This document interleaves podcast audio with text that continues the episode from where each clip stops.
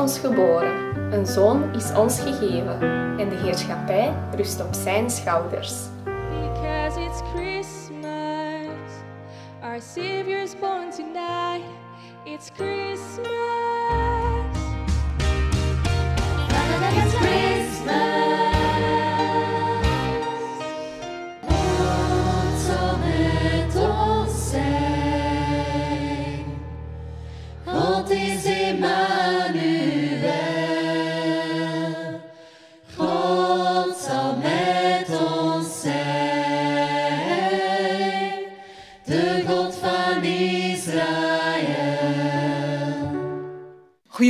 Aan iedereen. Ik wil iedereen die meekijkt en meeluistert via de uitzending van harte welkom heten.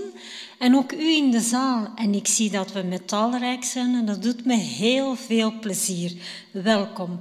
En natuurlijk wil ik ook onze spreker Jozef de Winter van harte welkom heten. Hij zal vandaag het woord houden. En het is inderdaad een speciale Sabbat, want vandaag gaan we samen kerstdienst houden en samen gedenken we de geboorte van onze redder Jezus Christus. Maar voor we verder van start gaan, heb ik toch enkele aankondigingen voor jullie. Namelijk dat de maatregelen betreft de COVID ongewijzigd zijn en dus verder van kracht blijven. Dit betekent de voornaamste maatregel dat mondmasker moet gedragen worden vanaf de leeftijd van zes jaar. En dan wil ik toch aankondigen dat er belangrijke data kunnen genoteerd worden in uw agenda. Namelijk dat er op 29 januari de Bijbelraadse quiz wordt gehouden in de namiddag. En u kan nog steeds uw deelname opgeven bij Dirk Koos of bij Timothy Gerums. Vanaf 5 tot en met 15 januari worden de tien dagen van gebed gehouden. En onze generale conferentie moedigt ons aan om dit op te volgen. En het thema van dit jaar is de oproep van de drie engelen om te bidden. Het materiaal is ter beschikking op de website van 10daysofprayer.org. En op deze website kan u uw eigen taal selecteren om vervolgens het materiaal te bekijken. De Adventjeugd organiseert kamp voor vonkjes en verkenners tijdens de krokusvakantie vanaf 27 februari tot en met 3 maart. En u kan nog steeds uw kind inschrijven op de website van de Adventjeugd. En u vindt er natuurlijk ook de informatie terug die u nodig heeft. En dan wens ik jullie allen een hele fijne en warme gezegende Sabbat toe. En dan wil ik graag de eredienst openen met het voorlezen uit de Bijbel, namelijk Lucas. Wees niet bang, Maria, zei de engel. God schenkt u zijn gunst. Luister, u zult zwanger worden en een zoon ter wereld brengen en hem Jezus noemen. Hij zal een groot man worden en hij zal de zoon van de Allerhoogste worden genoemd. God de Heer zal hem de troon van zijn voorvader David geven. En hij zal regeren over de nakomelingen van Jacob voor altijd. Aan zijn koningschap komt geen einde. Dan nodig jullie je uit om samen met mij het hoofd te buigen voor gebed. Ja, lieve Vader in de hemel, op deze Sabbat gedenken wij de geboorte van uw Zoon Jezus, onze Redder. Hij is gekomen als een baby, zo klein en teer, een kind om van te houden. Ja, Vader, en net Hij, door U, heeft zoveel liefde gegeven als alle mensen.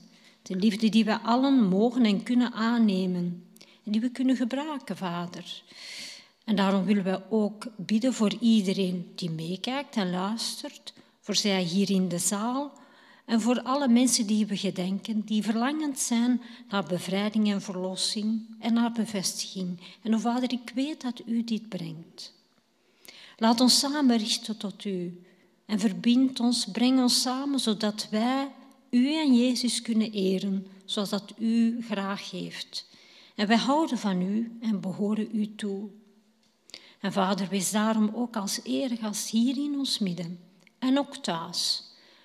Zegen de woorden van, Je van Jozef, die zo dadelijk de overdenking zal geven. En mogen zijn woorden u eer brengen. En de woorden ons versterken en de liefde die Gij ons geeft mogen voelen. En vader, wij vertrouwen u en staan daarom ook voor u klaar en gebruik ons. Laten we alle dagen tijd nemen om uw woord te bestuderen, om ontmoetingen met u te houden. We nu ook vragen om de, zegen, om de gaven te zegenen die strak worden verzameld, zodat zij ter eer van uw werk kunnen gebruikt worden. En dit alles bidden we uit Jezus' naam en in liefde voor u. Amen.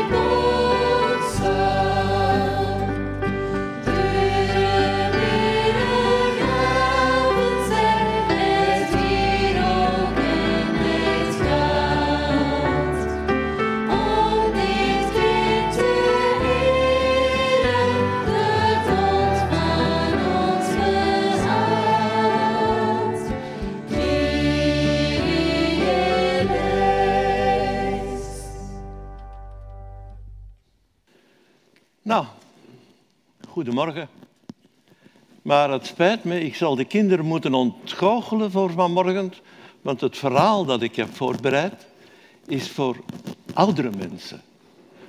Niet specifiek voor de kinderen, maar je mag wel meeluisteren.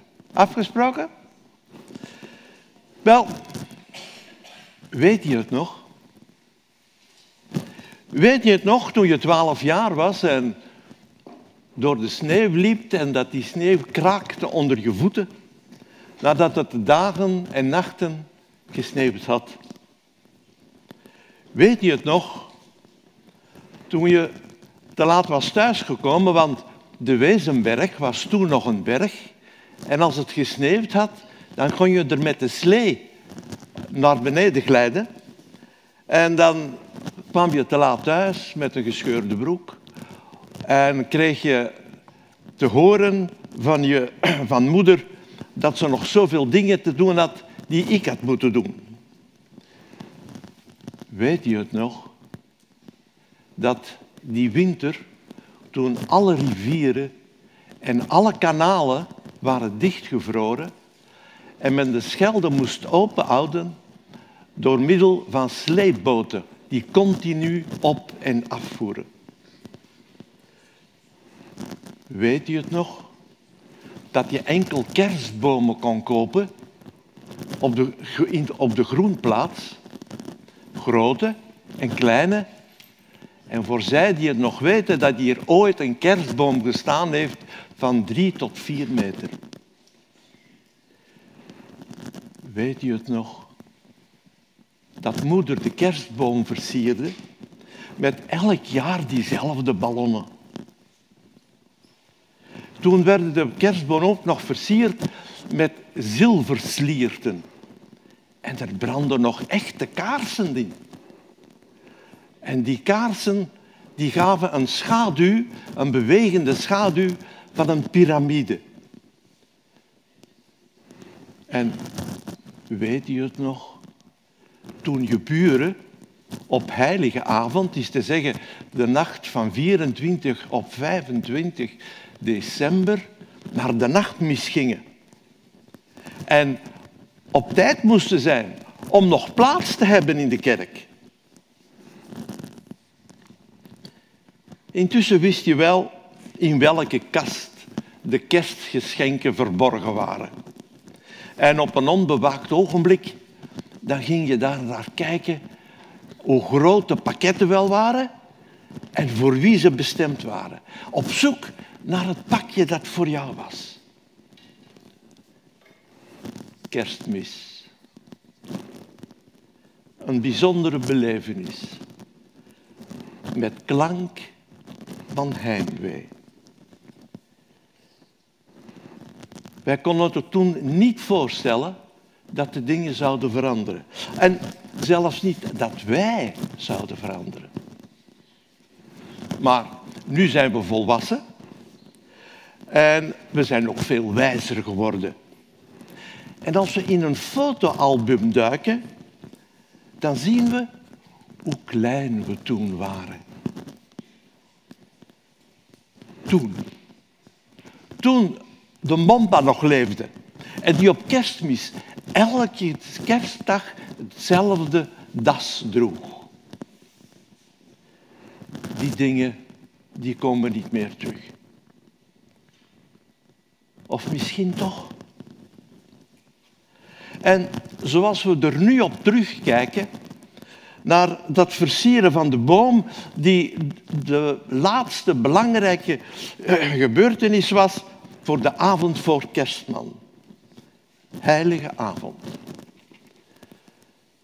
Niet dat die boom zo nodig was, maar hij was het teken dat het gevoel van dat speciale moment in het jaar aanwezig was.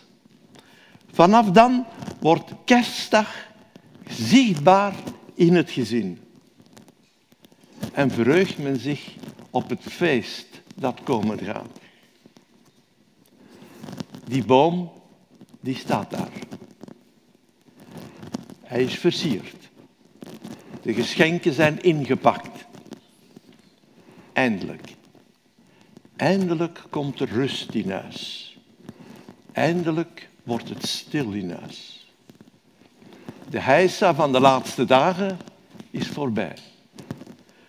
De drukte en de bedrijvigheid op bureau zijn stilgelegd. En een veelheid van overtreffende tonen en geluiden, die worden stil. De leefwereld om ons heen wordt zachter, wordt aangenaam. Mooi maar niet evident. Het kan zijn dat die rust in huis ons vreemd aandoet, beangstigend doet. Ten slotte zijn we gewoon aan rumoer en bedrijvigheid in huis. Het is alsof een glimp uit het verleden ons heeft aangegrepen. Is het ons geweten dat knaagt? Zijn het de onvervulde wensen die, die ons uh, stil doen zijn? Het is als een monotone stilte van dat weerkerende brongeluid in onze hersenen. Maar ondanks alles brengt ons dat geen voldoening. Laten we even luisteren naar die stilte. Hoe die stilte eigenlijk wel klinkt. Als ik dan achteruit liggend in mijn luie zetel en kijk in de lichtjes van de boom, dan komen gedachten bij me op. En welke gedachten ontstaan dan in je geest? Zijn die lichtjes die, die je daar ziet, doen die u denken aan de joelfeesten van onze voorouders, die ons vertellen dat de dagen opnieuw gaan lengen? Of zit ik te kijken onderaan de kerstboom, waar die pakjes liggen, met de gedachte van, wat zou de kerstman voor mij dit jaar in petto hebben? Of misschien zit ik te denken naar die feestmaaltijd van straks. Of dat mijn lievelingsdessert er wel bij zal zijn. Of ja, er komen bezoekers. En welke attentie zouden die hebben meegebracht? Allemaal gedachten die door je heen gaan. En misschien, heel misschien, komt me een tekst in de geest die me zegt, u is heden de heiland geboren, namelijk Christus de Heere in de stad van David. Ben ik als de erders die heen snellen om hem te zoeken? Of als de wijzen uit het Verre Oosten die, die in dat grote vertelboek, herinnert u, in dat grote vertelboek, hebben teruggevonden dat die, die grote koning zou geboren worden. En hopelijk zijn we niet zoals Herodes en zijn, zijn hofhouding, die op die grote dag meer belangstelling had voor de kerstboom en de geschenken, zijn rijkdom en zijn wereldse eer en zijn koningschap. Niettemin, hij was bekend dat die koning zou komen en waar die geboren zou worden. En hij deed alle moeite om zich van die koning te ontdoen. Op die nacht, of misschien was het een andere nacht, maar is dat hemelse licht op aarde neergedaald. En of u nu gelovig bent of niet, het licht is de bron van alle leven op aarde. Het licht bepaalt de dag en bepaalt de nacht. De wisselende jaargetijden zijn de levensklok die ons gegeven staan. En wij vinden het vanzelfsprekend dat het licht wordt, alsof dat licht uit een toverdoos tevoorschijn komt. De laatste zonnestralen van de herfst, meestal zo in oktober, zijn ons zeer kostbaar. Wij noemen het ook de nazomer. Ze zijn waardevol en ze zijn de voorbode dat die zonnestralen later gaan terugkeren. In de lente ervaren we de warmte van de zon als sprakeloos. Het is als een kleurige zonsondergang over de zee. Daartegenover staat duisternis, die als heel bedreigend wordt ervaren. En de vraag is of er in deze moderne wereld het kerstfeest, al, de kerstkaars al niet uitgeblazen is. Of misschien toch niet. Dat enige licht dat de angsten niet doet en rust en vrede brengt. Aan kinderen zegt men wel eens, ik zal het licht laten branden. Of we gaan een, nachtlichtjes plaatsen, opdat het niet te duister zou zijn.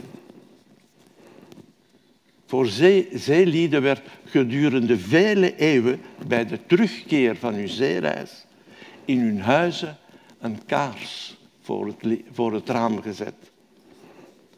De betekenis was, je bent welkom. We zijn blij dat je er weer bent.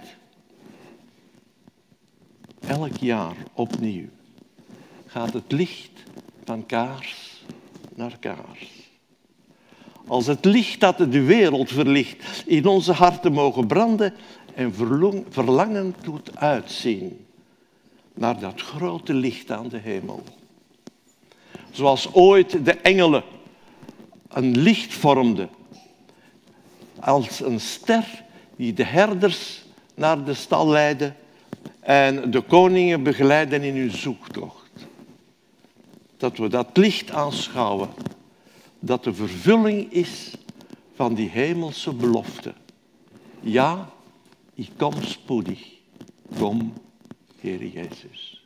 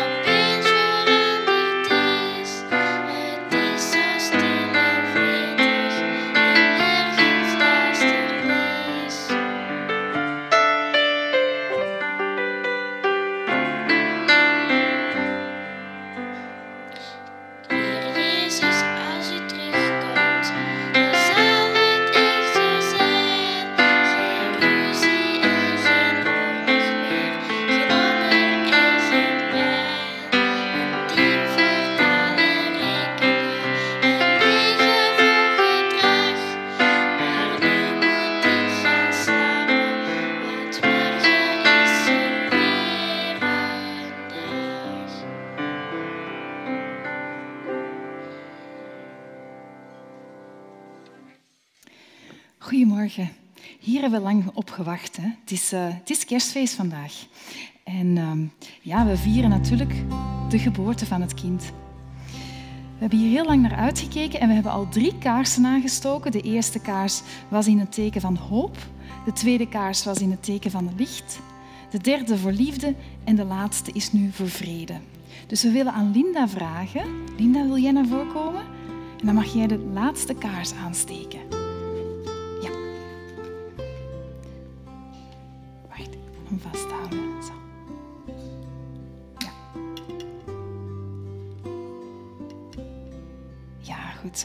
Dankjewel, Linda. De laatste kaars staat in teken van vrede. En over vrede heeft André een tekstje geschreven dat ik graag voor jullie voorlees. Vrede. Vrede is een simpel woord, maar wat is het precies? Afwezigheid van oorlog, het zwijgen van de wapens, ook de afwezigheid van uitbuiting. Maar nog meer, de waardering van diversiteit, het openstaan voor elkaars mening, elkaars opvattingen en gedragingen. Daarna is er ook innerlijke vrede, door vriendelijk te zijn tegen elkaar, mensen te vergeven en te strijden tegen je vooroordelen. Vechten voor vrede is dromen van vrede. Vrijheid en verdraagzaamheid gaan hand in hand met vrede. Jezus zei: Gelukkig de vredestichters, zij zullen Gods kinderen genoemd worden. Dankjewel André voor deze mooie tekst. Er werd de afgelopen week ook nog een inzending binnengestuurd en die luidt als volgt. U wil ik prijzen voor dat wat u schiep. Mijn leven lang loven, want u heb ik lief. Niets is zo goed als een leven heel dicht bij u.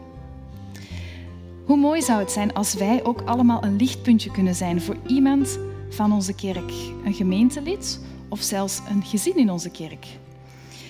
Het zou heel fijn zijn als wij allemaal symbolisch dat licht kunnen gaan dragen naar elkaar. Achteraan in de kerk staan er kaarsjes. Het zijn kaarsjes met een tekst op. En het zou heel fijn zijn mochten jullie er eentje voor jezelf meenemen en eentje gaan brengen naar een ander gezin of naar een ander gemeentelid dat in deze tijd wel wat warmte en liefde kan gebruiken. Voor nu wens ik een ieder van jullie een heel fijn kerstfeest en geniet van deze dienst. Ook aan alle mensen op de stream, vanuit de zaal, iedereen die er is. Wij wensen jullie allemaal een heel fijn kerstfeest. Dank jullie wel.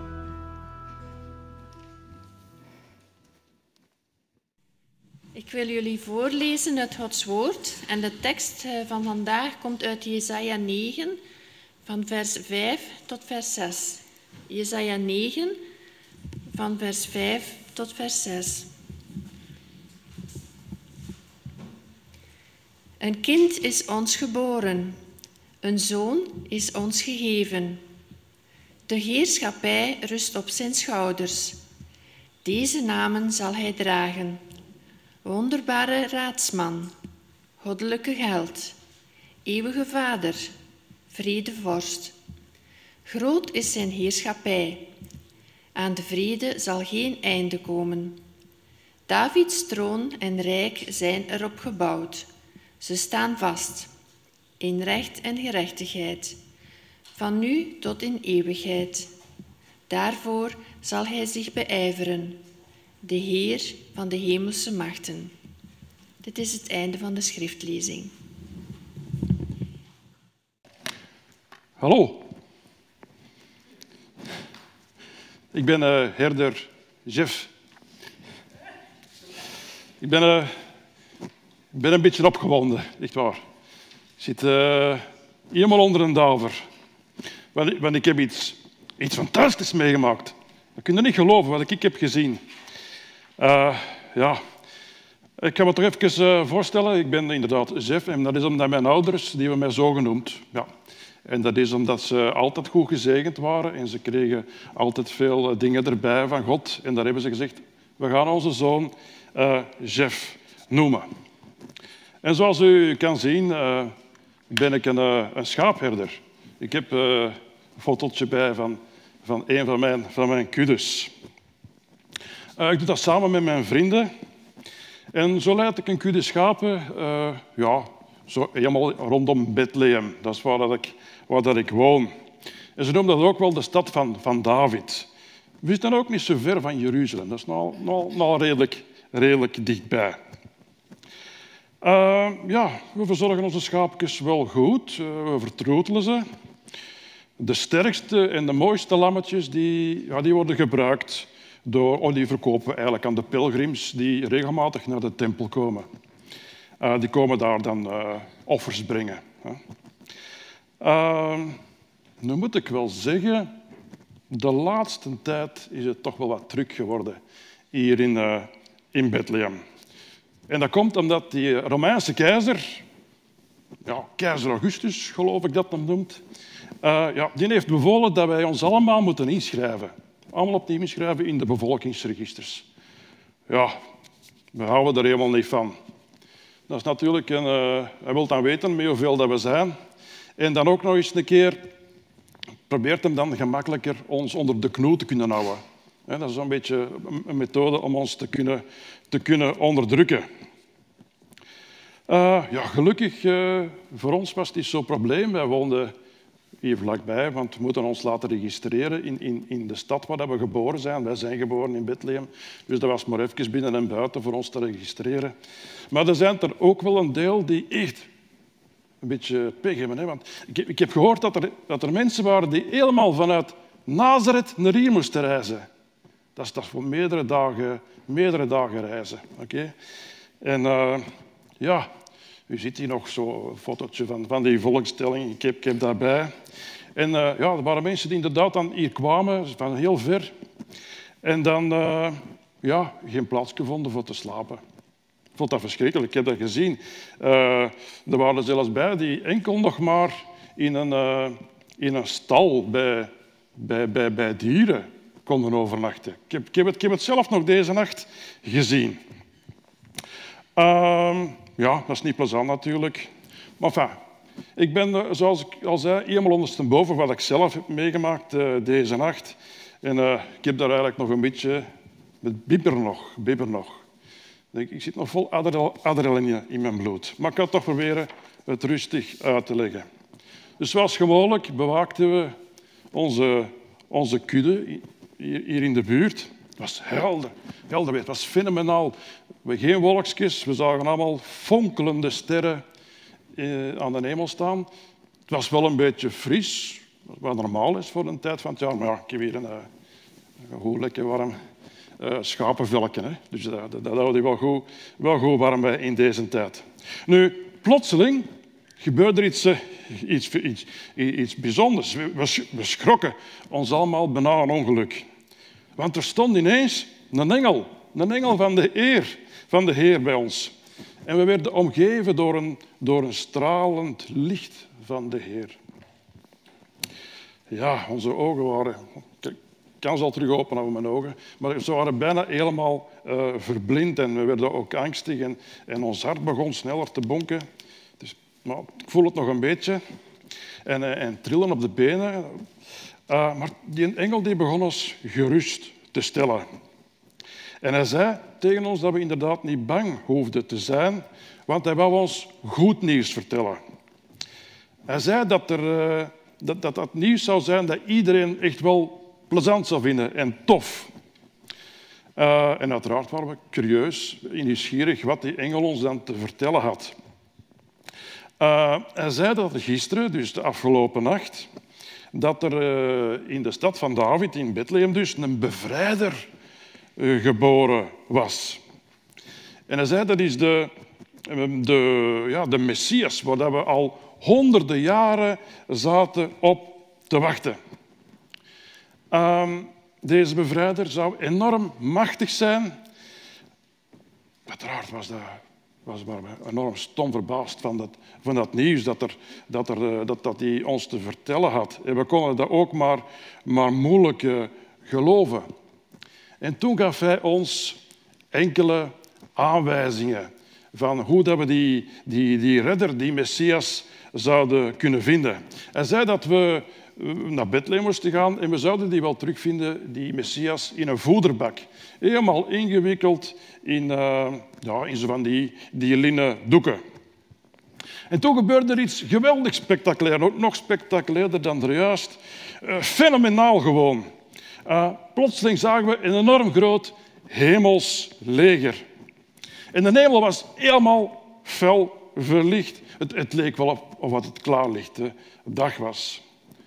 En opnieuw konden we onze ogen niet, niet open houden, verblind waren. En uh, ja, we hoorden toen dat die engelen God begonnen te prijzen met een lied. En dat ging als volgt. Eer aan God in de hoogste hemel en vrede op aarde voor alle mensen die hij lief heeft. Aan het einde van het lied ja, gingen al die engelen terug naar de hemel en het werd eh, opnieuw eh, rustig. Eh, ja, maar in ons hart natuurlijk waren we er helemaal van aangedaan wat er gebeurd was, opgewonden.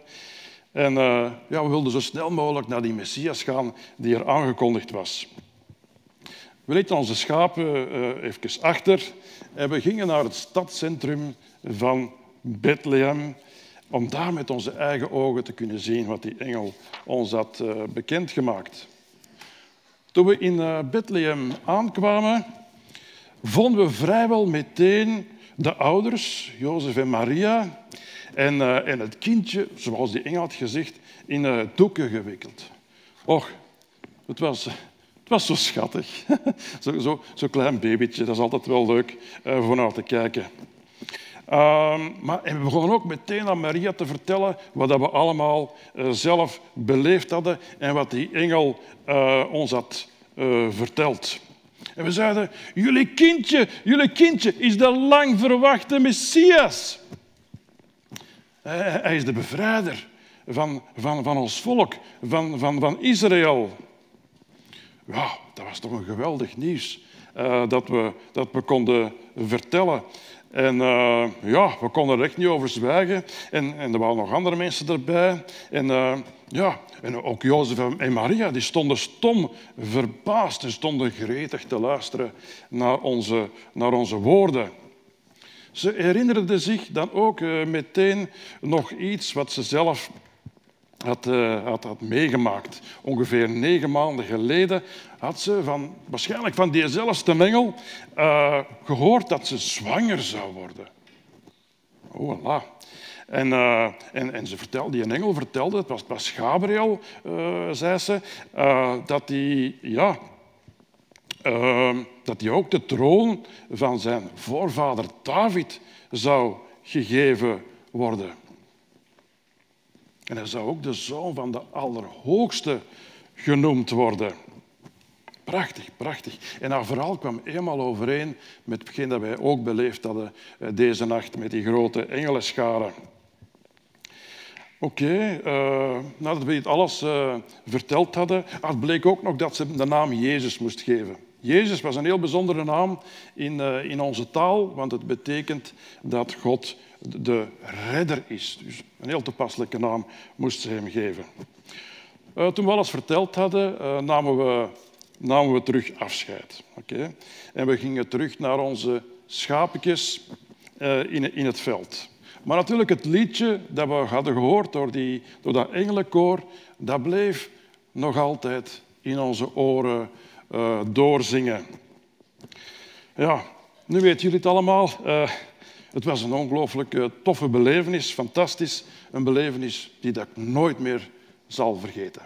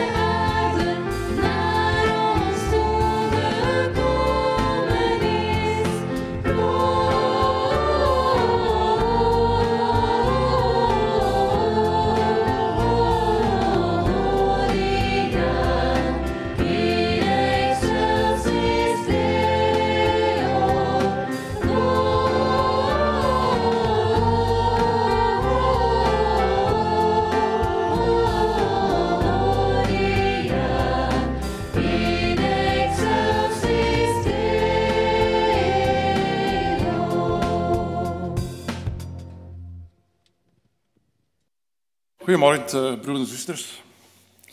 Laat mij beginnen met eh, iedereen natuurlijk van harte een gezegende Sabbatdag en een gelukkig eh, kerstfeest toe te wensen.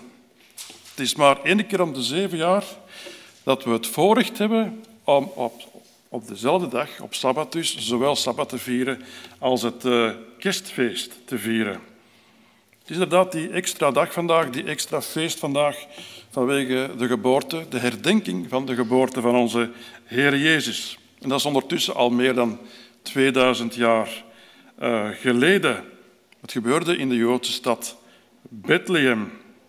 U hebt het al gezien eh, op de, de presentatie dat het thema van vandaag voor deze overdenking is vrede op aarde. Ja, het is het eerste waar mensen aan denken als aan kerstmis denken, aan kerstfeest. Vrede, dat is een begrip dat, eh, dat onmiddellijk geassocieerd wordt met dat kerstfeest.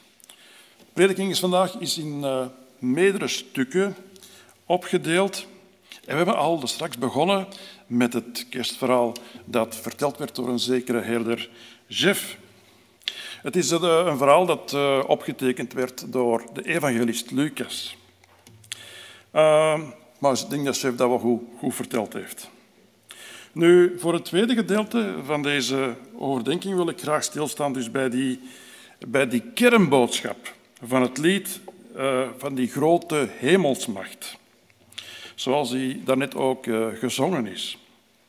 Eer aan God in de hoge, hoogste hemel en vrede op aarde voor alle mensen die hij lief heeft. Ik heb de twee belangrijkste Griekse woorden al gemarkeerd in het oranje. Het is het Griekse woord ereine voor vrede en het Griekse woord eudokia voor liefhebben. Um, laten we misschien eerst uh, een beetje het eerste woord eirene voor vrede uh, gaan bekijken. Het is die vrede die afgekondigd wordt voor deze aarde. Het Griekse woord eirene is uh, minder goed uh, gekend, maar als ik zeg dat het in het Hebreeuws shalom betekent, dan denk ik dat, wel, dat er wel velen een haya-moment uh, zullen beleven. Inderdaad, Irene, shalom en ook vrede hebben nagenoeg allemaal alle, in alle talen dezelfde betekenis, dezelfde positieve betekenis. En het mooie is ook dat uh, met vrede heel veel verschillende positieve betekenissen kunnen geassocieerd worden.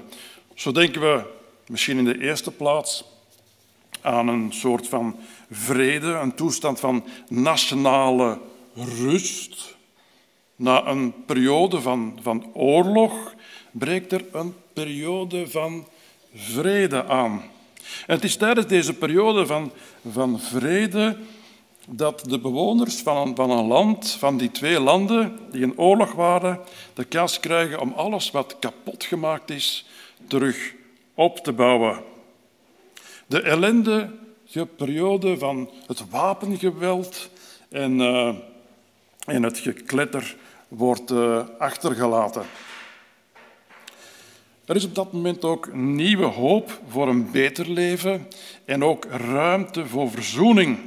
In de periode van, vreemde, vrede, van vrede worden er opnieuw vriendschapsbanden gesloten tussen die twee landen. Er worden verdragen of handelsverdragen gesloten. En uh, ja, men gaat zich niet meer uh, beschouwen als vijanden. Dat is een eerste betekenis van vrede, waar het eerste wordt aangedacht. Dan heb je nog een andere betekenis die ook uh, zeer gekend is. Dat is een, een vrede tussen mensen, tussen, tussen individuen. Soms liggen mensen echt jarenlang met elkaar overhoop. Er is voortdurend twist, discussie, uh, oneenigheid. Ja, dat kan wel eens gebeuren, bijvoorbeeld in families. In grote families kan het wel eens voorvallen dat dat, dat uh, gebeurt. Maar je kan het ook hebben, die ruzies met je buren, met je collega's of met, met zakenpartners. Uh, het kan ook gebeuren tussen twee broeders en zusters van, van de kerk. Ja, en wanneer die mensen dan na verloop van vele jaren soms eindelijk een geschil kunnen bijleggen, dan breekt er voor die twee ook een fantastische periode van vrede en geluk aan. Vrede staat ook voor uh, een periode van, van zekerheid, van welvaart en voorspoed. Uh, ja, en dat is ook wel de periode dat uh, heel veel mensen naar uitkijken, naar die vrede van voorspoed. Denk bijvoorbeeld aan, aan jouw koppels. Als er dergelijke vrede is, dan denken ze aan kindjes. Dan denken ze, het is dit moment voor, eh, voor aan onze toekomst te denken. Ze gaan maken plannen om een, om een huis te bouwen. Ze gaan maken ook plannen om, om misschien in de zomer een, een mooie vakantie te gaan doen. Naar Spanje of zo. Eh, ja, dat kan enkel maar als er zo'n periode van vrede, van, van, van welvaart is. Dat we ook vrede noemen. In de periode van vrede eh, voelt men zich ook veilig. En dan hoeft men ook niet meer bang te zijn voor vreemden dat men tegenkomt op straat of zo. Men voelt zich altijd eh, gerust. Ik kan nog heel veel aangename aspecten van, van vrede eh, opnoemen, zoals een goede gezondheid. Iemand die een vredevol leven heeft, politicus ook bedoeld dat hij goed gezond heeft geleefd. En ook dat hij een algemeen gevoel van tevredenheid had. Er zit ook het woordje vrede ingewerkt natuurlijk, in tevredenheid. Al deze hartverwarmende betekenissen worden dan ook wel door vele mensen geassocieerd met het kerstfeest. Ik heb er nog één belangrijke aan toegevoegd. Dat is eh, die, de, het aspect van de geborgenheid. Het ergens bij kunnen horen, waar je thuis voelt. Zoals bij je directe familie, maar dat kan ook bij zeer goede vrienden zijn. Zeker in onze moderne tijd wordt dit aspect heel sterk benadrukt of in de verf gezet. Het vredige familiegevoel. Dat is het thema van 101 kerstfilms. Nu, voor families waarvan de kinderen heel ver van huis zijn gaan wonen, maken we voornamelijk mee in, in Amerika, ja, is natuurlijk kerstdag het uitgelezen moment om terug samen te komen. En om samen een, eh, een feestmaaltijd te hebben en ook om geschenken uit te delen. Uh, dan hoor je er absoluut terug bij en heb je dat vredevolle gevoel. Er was nog een ander woordje, een Grieks woordje, dat was uh, eudokia. Um, eudokia komt niet zoveel voor in het Nieuw Testament. Het is een woord dat heel weinig gebruikt wordt, maar het betekent iemand liefhebben, iemand welwillend zijn. Okay, dat is de betekenis van eudokia. En in dit geval is het God die de mensen zeer goed gezind is. Hij is ons zeer goed genegen. Dit gaat gepaard met heel veel liefde en goede wil voor de mensen hier op aarde. Met het woord eudokia wordt bedoeld dat God een vurig verlangen heeft om ons iets heel moois te geven, te schenken. En wat kan er mooier zijn dan dat God ons die vrede wil schenken waarover we daarnet gesproken hebben in al zijn facetten. Onder de Joden is het ook de gewoonte om elkaar te groeten met shalom. Ja, en dan geef je aan aan die andere persoon waar je tegen shalom zegt, dat je hem natuurlijk het allerbeste wil toewensen. En tijdens die kerstnacht, waarover Herr de Jef gesproken heeft, was het God die de mensen groette met de woorden Shalom. Ik hou zoveel van jullie, heel mijn hart is verliefd op jullie, dat ik jullie die vrede wil schenken. En in de volgende delen van deze overdenking wil ik daar graag nog verder, verder op doorgaan.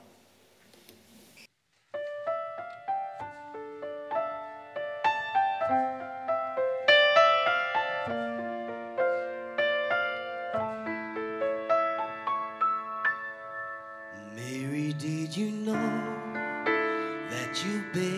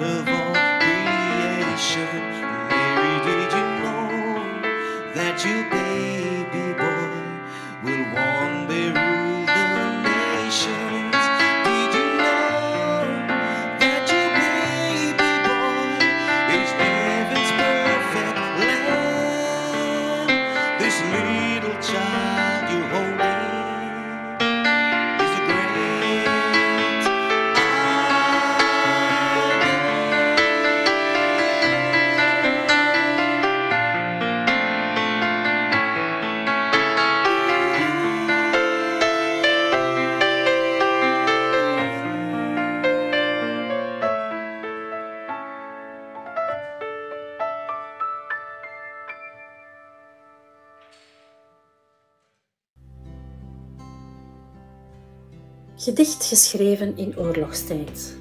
Als de lichtjes doven. Op een slagveld klonk een stem, was van ver te horen.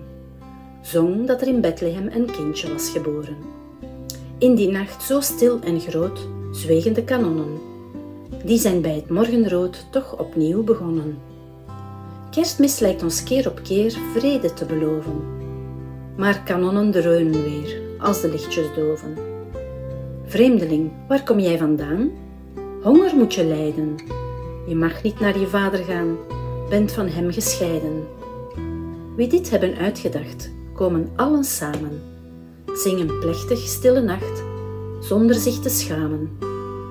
Kerstmis lijkt ons keer op keer vriendschap te beloven, maar dan gaan ze altijd weer alle lichtjes doven. Rus, Chinees en Amerikaan, mogen die hier blijven? Mogen die hier ook bestaan of zal men ze verdrijven? Kerstmis doet ons telkens weer beterschap beloven. Laat dan deze ene keer het lichtje niet weer doven.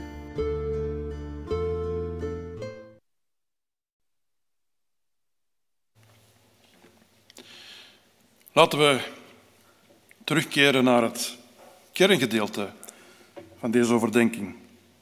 Eer aan God in de hoogste hemel en vrede op aarde voor alle mensen die hij lief heeft. Dus God houdt zoveel van ons dat hij ons vrede wil schenken.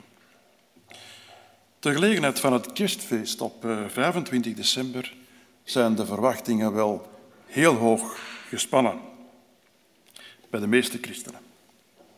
Elk jaar opnieuw hopen ze dat die beloofde vrede ook daadwerkelijk mag verwezenlijkt worden.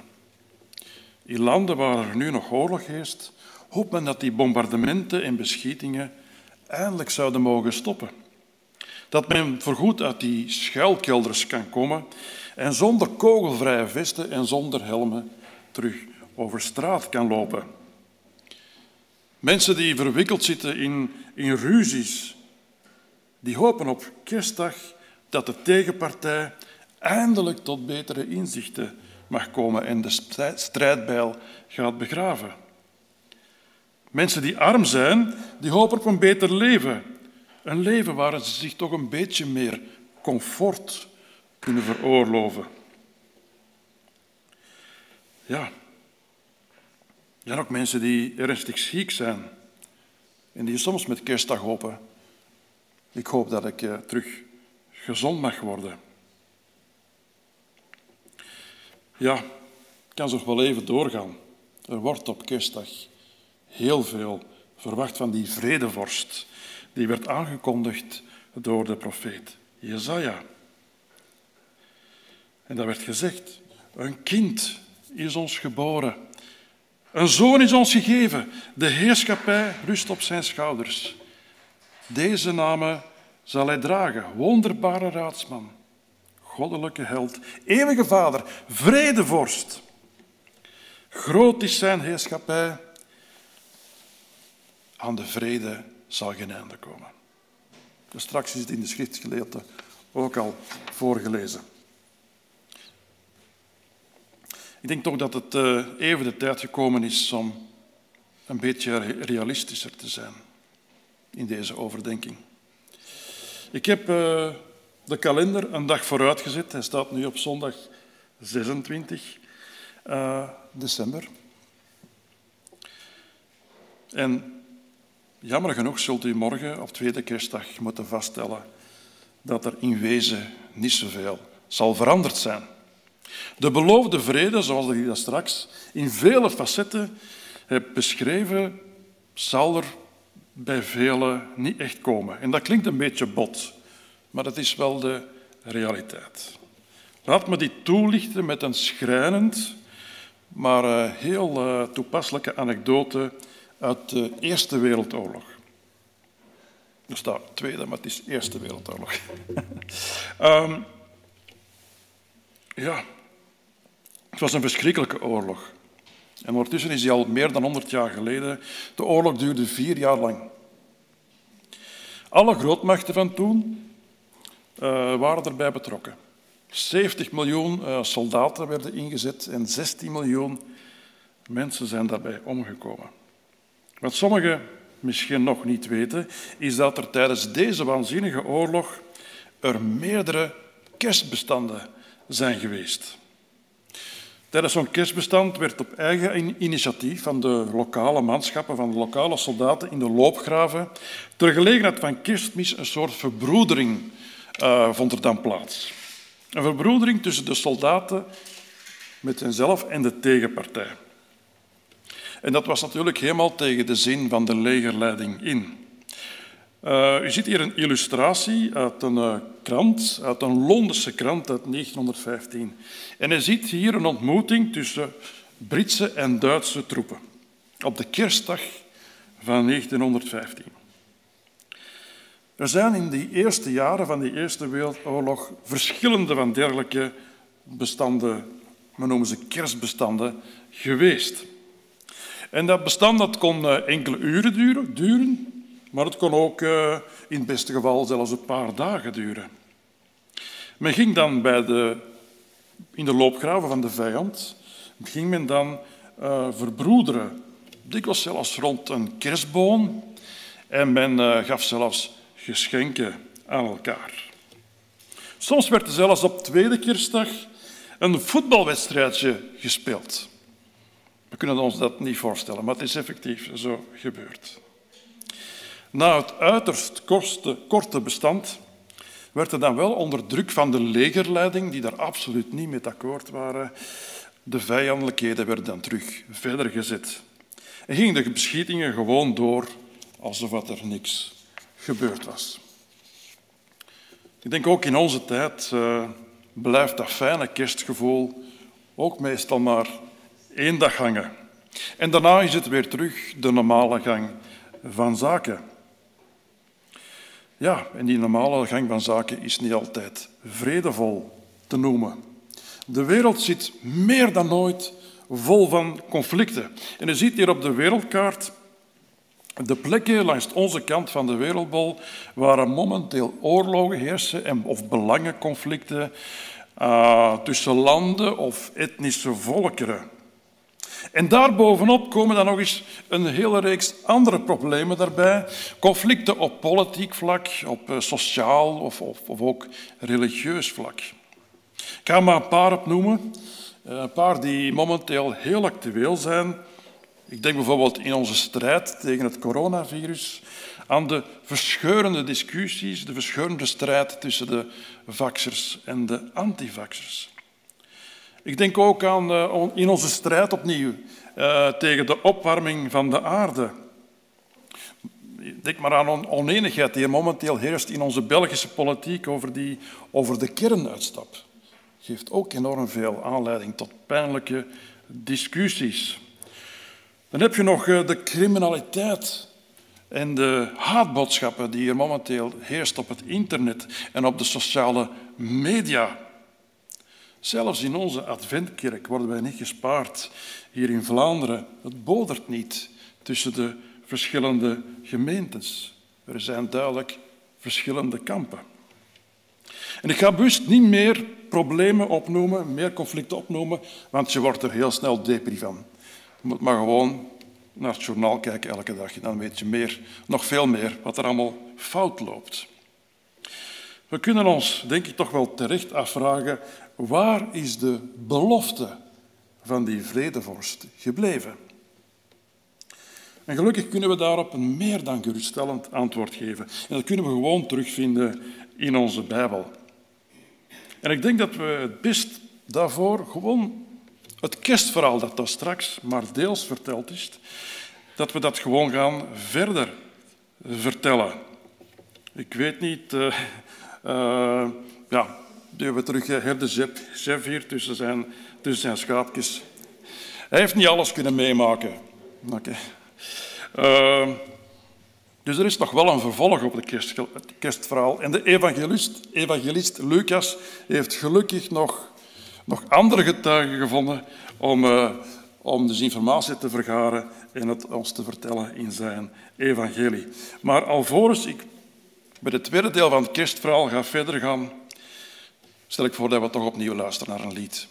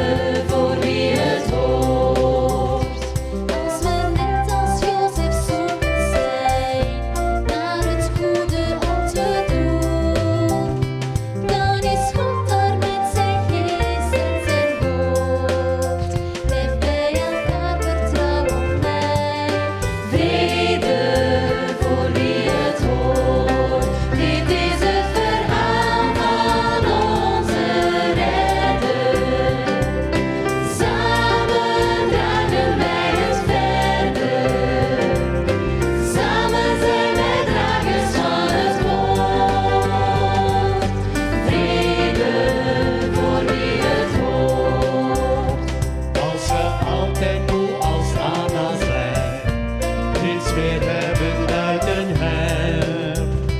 Dan is God daar met zijn geest.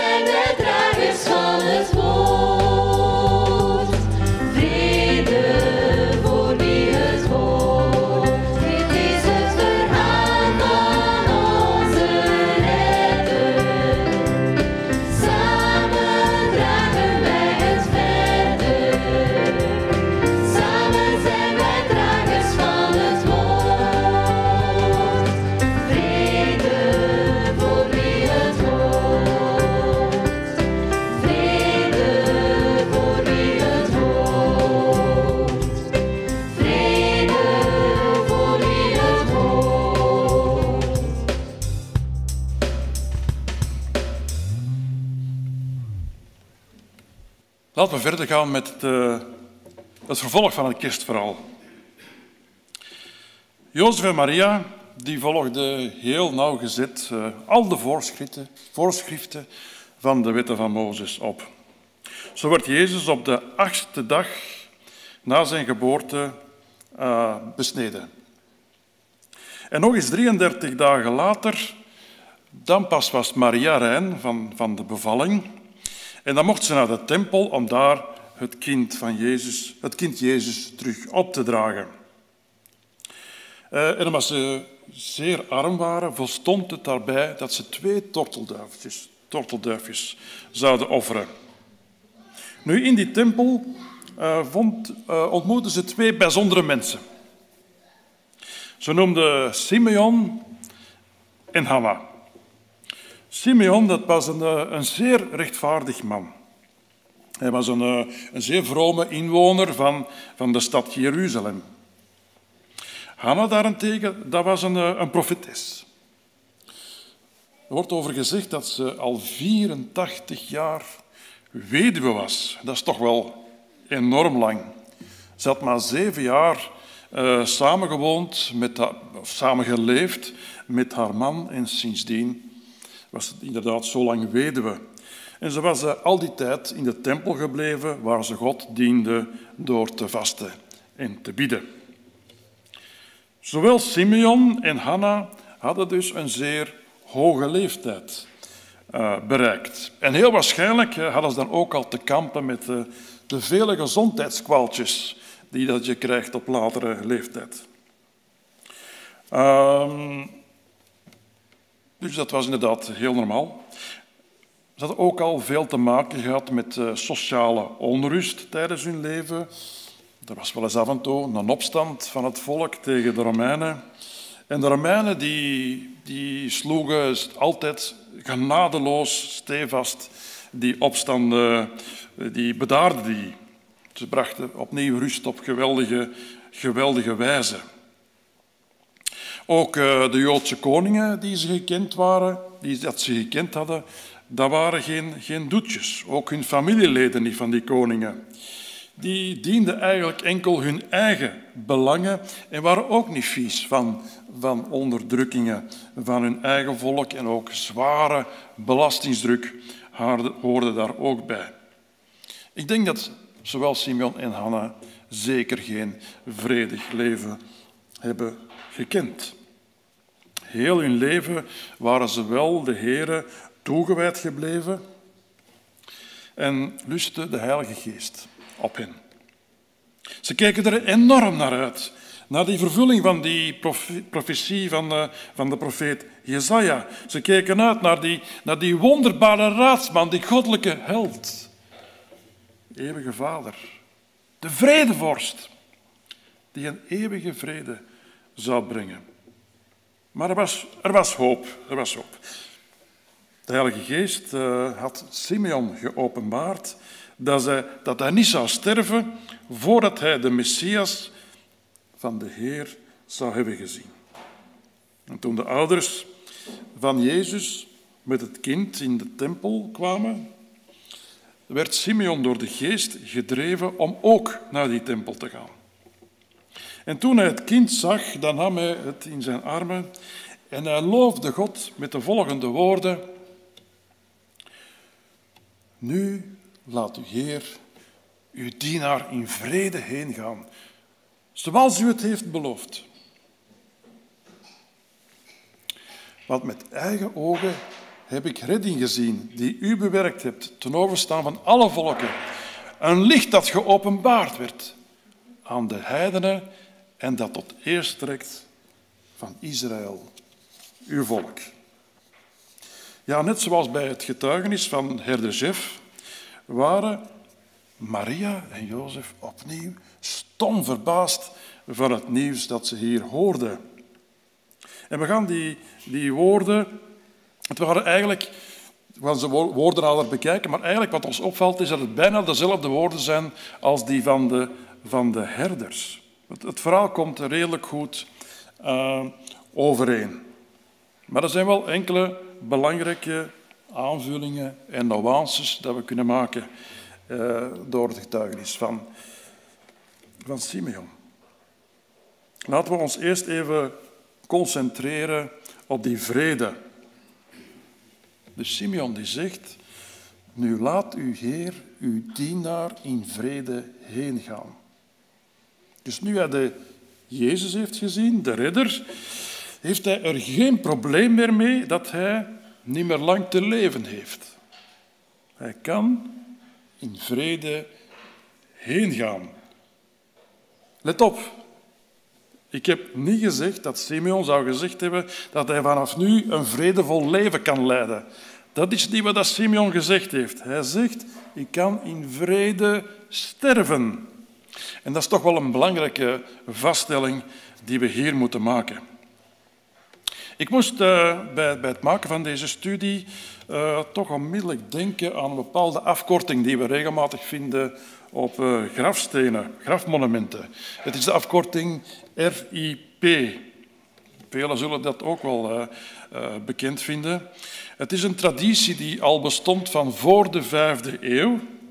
En het betekent in het Latijn requiescat in pace. Dus dat is uh, in het Nederlands betekent dat rust in vrede of in het Engels rest in peace. Dus in de, Engelse versie komt die afkorting nog mooi overeen, RIP. En ik moet eerlijk toegeven, toen ik uh, daar straks bij het overlopen van al die verschillende betekenissen van, het, uh, van vrede, dat ik één belangrijke invulling een beetje bewust ben overgeslagen. Uh, ik heb een aantal dingen uh, vermeld, betekenissen, waarvan je enkel kan genieten tijdens het verloop van je leven. Ze zullen het je leven ongelooflijk aangenaam maken.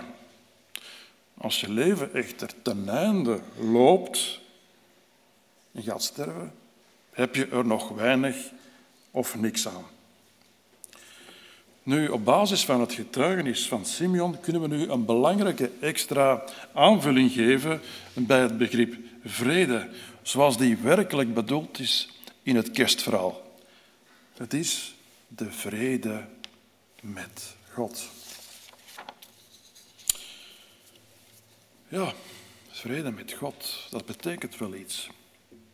Als we over oorlogen spreken, dan denken we natuurlijk in de eerste plaats over conflicten tussen mensen onderling. Maar goede Bijbelkenners weten dat er nog een ander groot conflict is. Het is een conflict dat ons nog veel meer treft. En u raadt het misschien al, het gaat over het conflict dat bestaat tussen God en de mensen. Het conflict ontstond al in het aasparadijs bij de zondeval, waarna de mensen werden weggestuurd. En in het boek Genesis vinden we nog veel meer conflicten terug.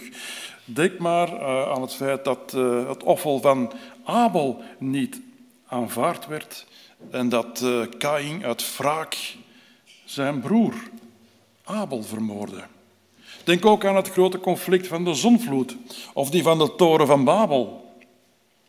Of het conflict toen de broers van Jozef hem uh, wilden vermoorden en hem uiteindelijk gewoon verkochten. Dat was ook een conflict dat ontstaan was. Denk ook aan de, aan de Exodus. Wat een conflict was daar niet. Een heel Egyptisch leger werd er daar vernietigd. Er zijn nog andere hoogtepunten terug te vinden van dat conflict. Denk maar aan de verschillende ballingschappen die er zijn geweest.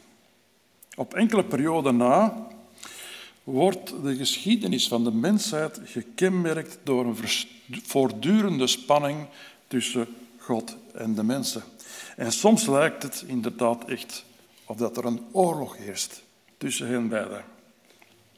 Af en toe was er, net als in de Eerste Wereldoorlog, een, een vredesbestand dat door God werd ingesteld. En in Bijbelse termen noemen we dat een verbond. Denk bijvoorbeeld aan, aan die verbonden die gesloten werden met Adam, ook met Kain en Noach, met Abraham en Mozes. Een verbond had de bedoeling om een langdurige periode van vrede in te luiden. Maar telkens opnieuw werd het eh, op een dramatische wijze door de mensen geschonden. Een van de meest dramatische ontmoetingen tussen God en zijn volk was deze op de berg Sinaï in de woestijn. En ik vind dat de apostel Paulus daar een heel mooie beschrijving over geeft. En ik heb het teruggevonden in, eh, in, in zijn brief aan de Hebreeën. En hij beschrijft daar die ontmoeting. Hij zegt, het volk stond destijds voor een laaiend en alles verzengend vuur. In een dreigende duisternis en woeste wind, te midden van bazuingeschal geschal en, en, en stemgedonder. Het volk dat dit alles moest ondergaan, smeekte dat, dat er geen woord meer tegen hen zou gezegd worden. Omdat wat er toen gebeurde, wat er hen werd opgedragen, ondraaglijk was. Zelfs een dier dat de berg aanraakte, moest gestenigd worden. Ja, het was zo verschrikkelijk, zo schrikbarend, zo huiveringwekkend, dat zelfs Mozes op een bepaald moment uitriep, ik sidder van angst. Ja, het is echt een, eh, een beschrijving van Paulus waar we koude rillingen kunnen van krijgen. Maar Paulus stelt ons ook gerust. We hoeven deze situatie, die schrikwekkende situatie, niet meer mee te maken. Het is gelukkig allemaal voorbij. Want met de komst van Jezus is er blijvende vrede gebracht tussen, tussen ons en God. En dat is ook de belangrijkste betekenis van shalom. Vrede tussen God en de mensen. En Paulus gaat dat ook verder aantonen in de brief aan Hebreeën in zijn verdere betoog. Hij zegt daar, nee, u staat niet meer voor de berg van Sinaï, maar u staat voor de Sionsberg, voor de stad van de levende God, het hemelse Jeruzalem. U staat voor duizenden engelen die in vreugde bijeen zijn, voor de gemeenschap van de eerstgeborenen die in de hemel ingeschreven zijn. U staat voor God, de rechter van allen, de rechter van allen, en voor de geesten van de rechtvaardigen die tot volmaaktheid gekomen zijn. U staat voor de bemiddelaar van een nieuw verbond, Jezus. En voor het gesprenkelde bloed dat krachtiger is of krachtiger spreekt dan dat van Abel. Is dat geen prachtige eh, samenvatting van, van wat we te verwachten hebben van die vrede met God? Ik moet zeggen dat ik er toch een aantal treffende overeenkomsten heb gevonden met het kerstverhaal. Ik heb ze een beetje in het oranje gemarkeerd. Denk maar aan die duizenden engelen die in vreugde bijeen zijn. En, en, en, en ook over die gemeenschap van de eerstgeborenen die in de hemel zijn ingeschreven. In de hemel zijn ingeschreven. Net als Jezus, ook een eerstgeborene, worden wij ook als eerstgeborene opgedragen aan de Heer.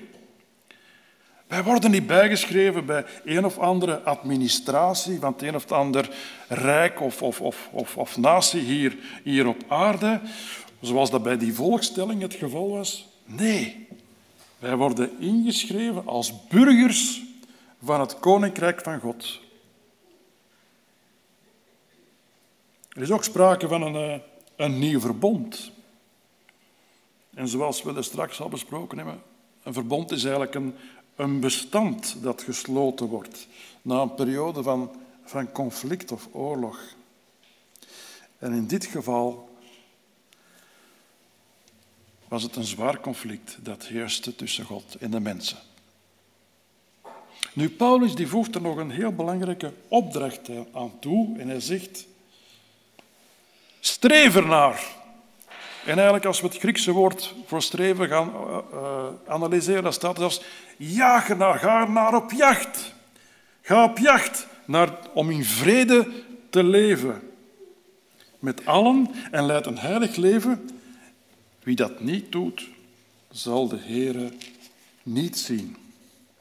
En deze opdracht was zeker ook eh, van toepassing op Simeon en Hanna.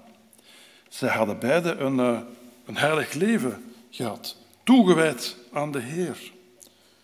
Ze hebben, daarop, ze hebben daardoor op het einde van hun leven de Heere wel kunnen zien.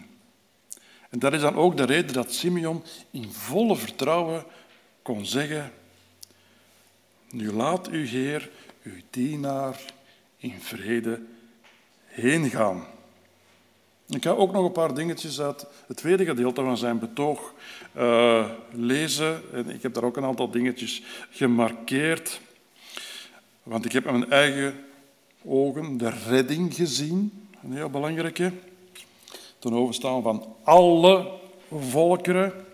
En dan ligt dat geopenbaard wordt aan de heidenen.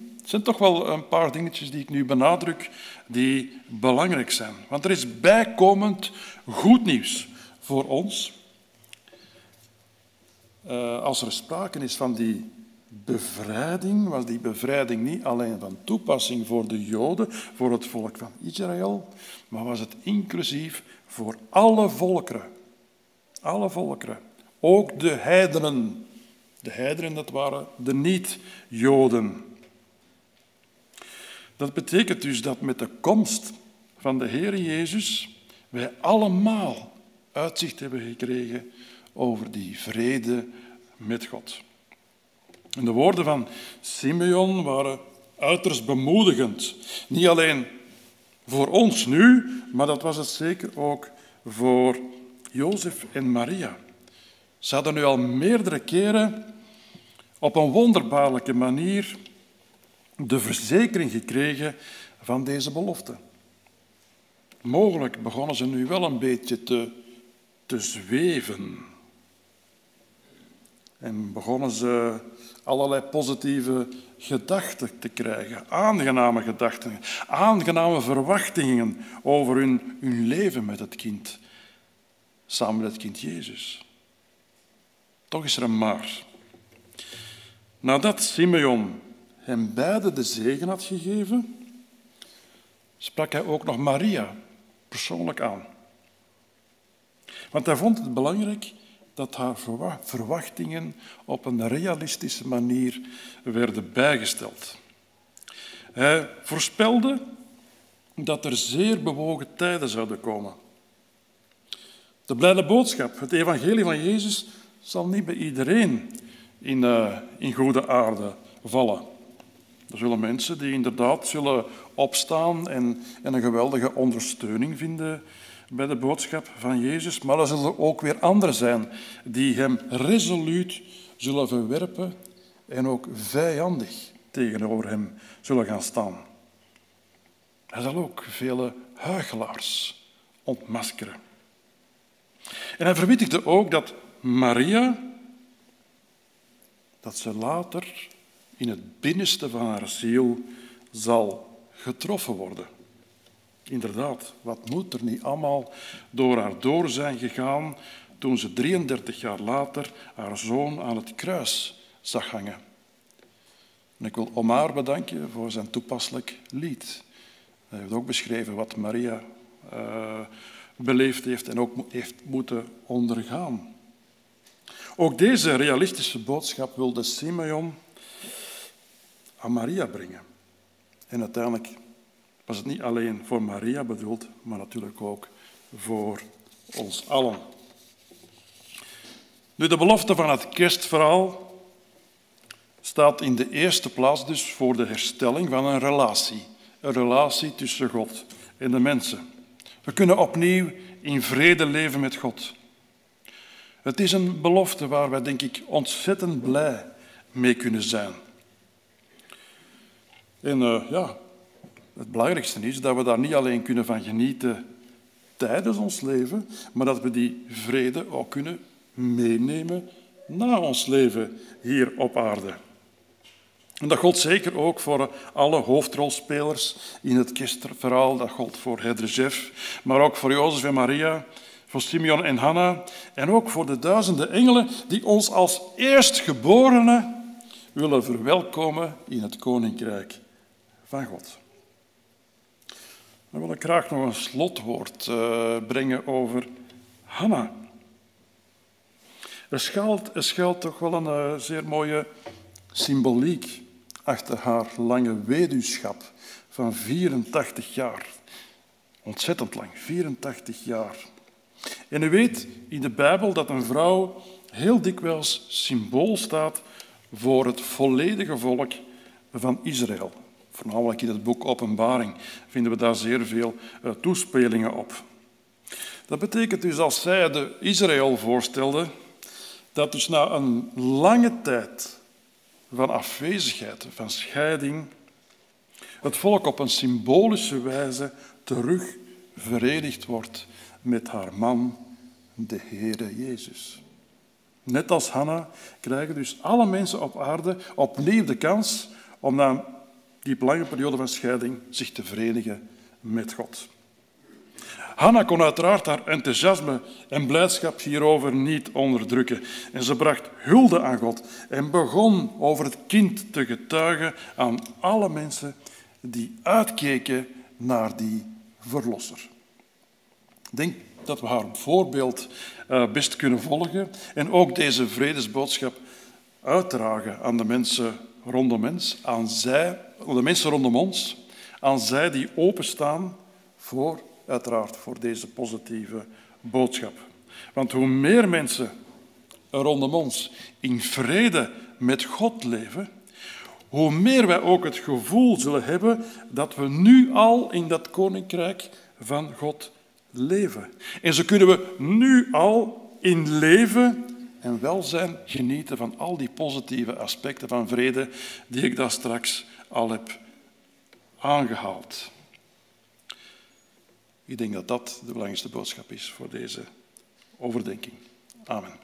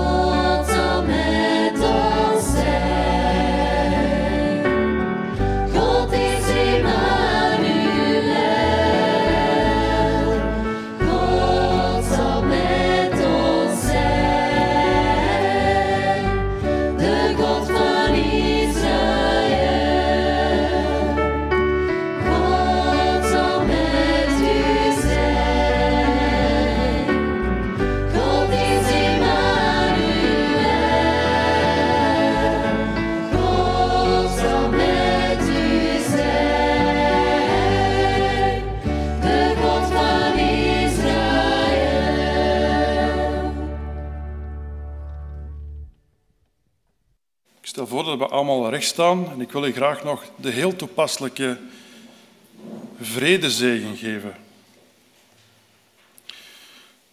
Mogen de Heer u zegenen en u beschermen. Mogen de Heer het licht van zijn gelaat over u doen schijnen en u genadig zijn.